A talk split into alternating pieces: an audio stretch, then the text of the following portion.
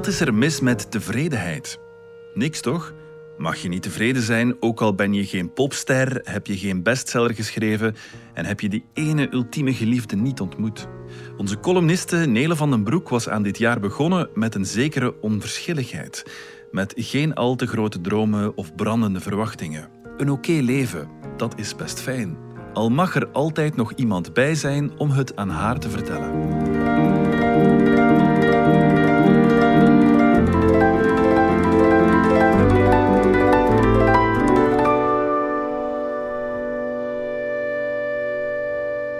3,5 sterren. Aan het begin van mijn 37e winter krijg ik onverwacht bezoek van een vreemde tevredenheid. Dat is nieuw.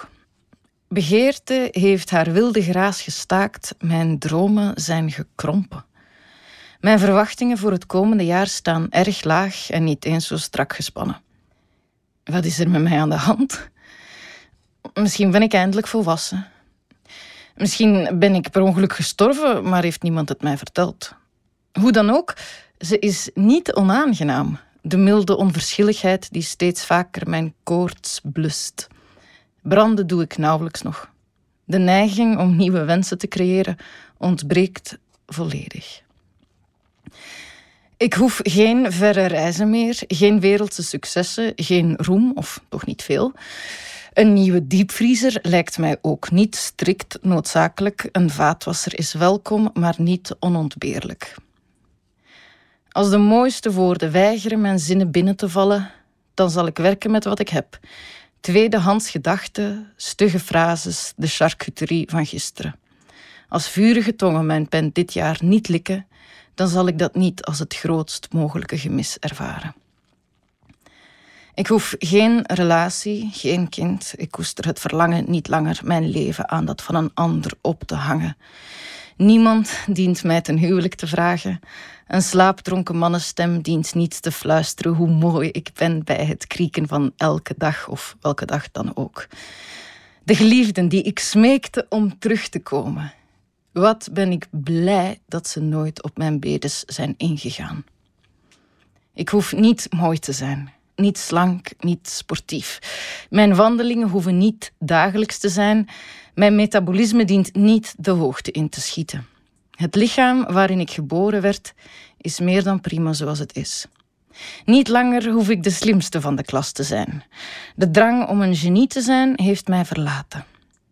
Als de lezer van deze tekst vele malen slimmer is dan ik, dan heb ik daar geen enkel probleem mee. Ik omarm mijn eigen middelmatigheid als een oude, trouwe vriend. Er hoeft geen piramide ter mijner eer gebouwd te worden, geen Taj Mahal, geen huis met koperplakje. Van het merendeel van mijn dromen ben ik uiteindelijk blij dat ze nooit uitgekomen zijn. Ik ben blij dat ik geen popster ben geworden. Dat lijkt mij ontzettend vermoeiend om vol te houden. Wat ben ik opgelucht dat dat platencontract op het nippertje is afgesprongen 15 jaar geleden. Wat een geluk dat ik de liefde van mijn leven nooit ontmoet heb.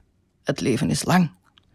Seks, anticonceptie, schoonfamilie, ego, angst. Ze hebben op mijn deur geklopt. Ze hebben even in mijn zetel gezeten. Toen zijn ze weer vertrokken. Ik ben alleen. Zo wordt gezegd. Maar Onprettig is dat niet. En tijd heb ik te over. Zo ook plaats op mijn zetel. Mijn leven krijgt 3,5 sterren. 3,5 op 5. Zeker niet slecht. Er zijn betere levens dan het mijne. Spannendere, moedigere, passionelere, relevantere, grootsere, briljantere levens. Maar die hoef ik niet. 3,5 is genoeg. Een oké leven met veel ruimte om tijd te verspillen. Het had op zoveel manieren zo ontzettend veel slechter gekund. Als het even kan, zou ik graag mijn roman afwerken.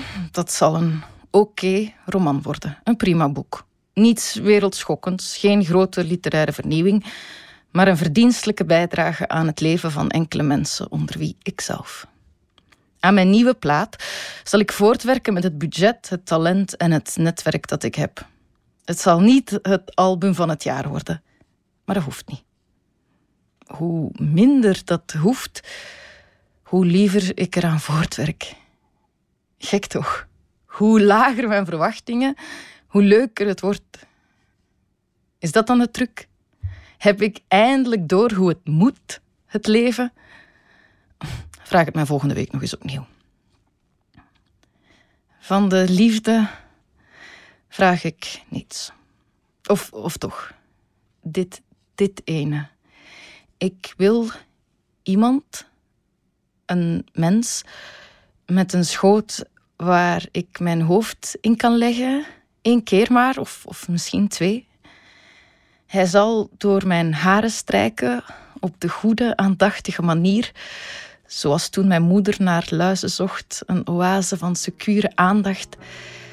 En hij zal zeggen dat alles oké is.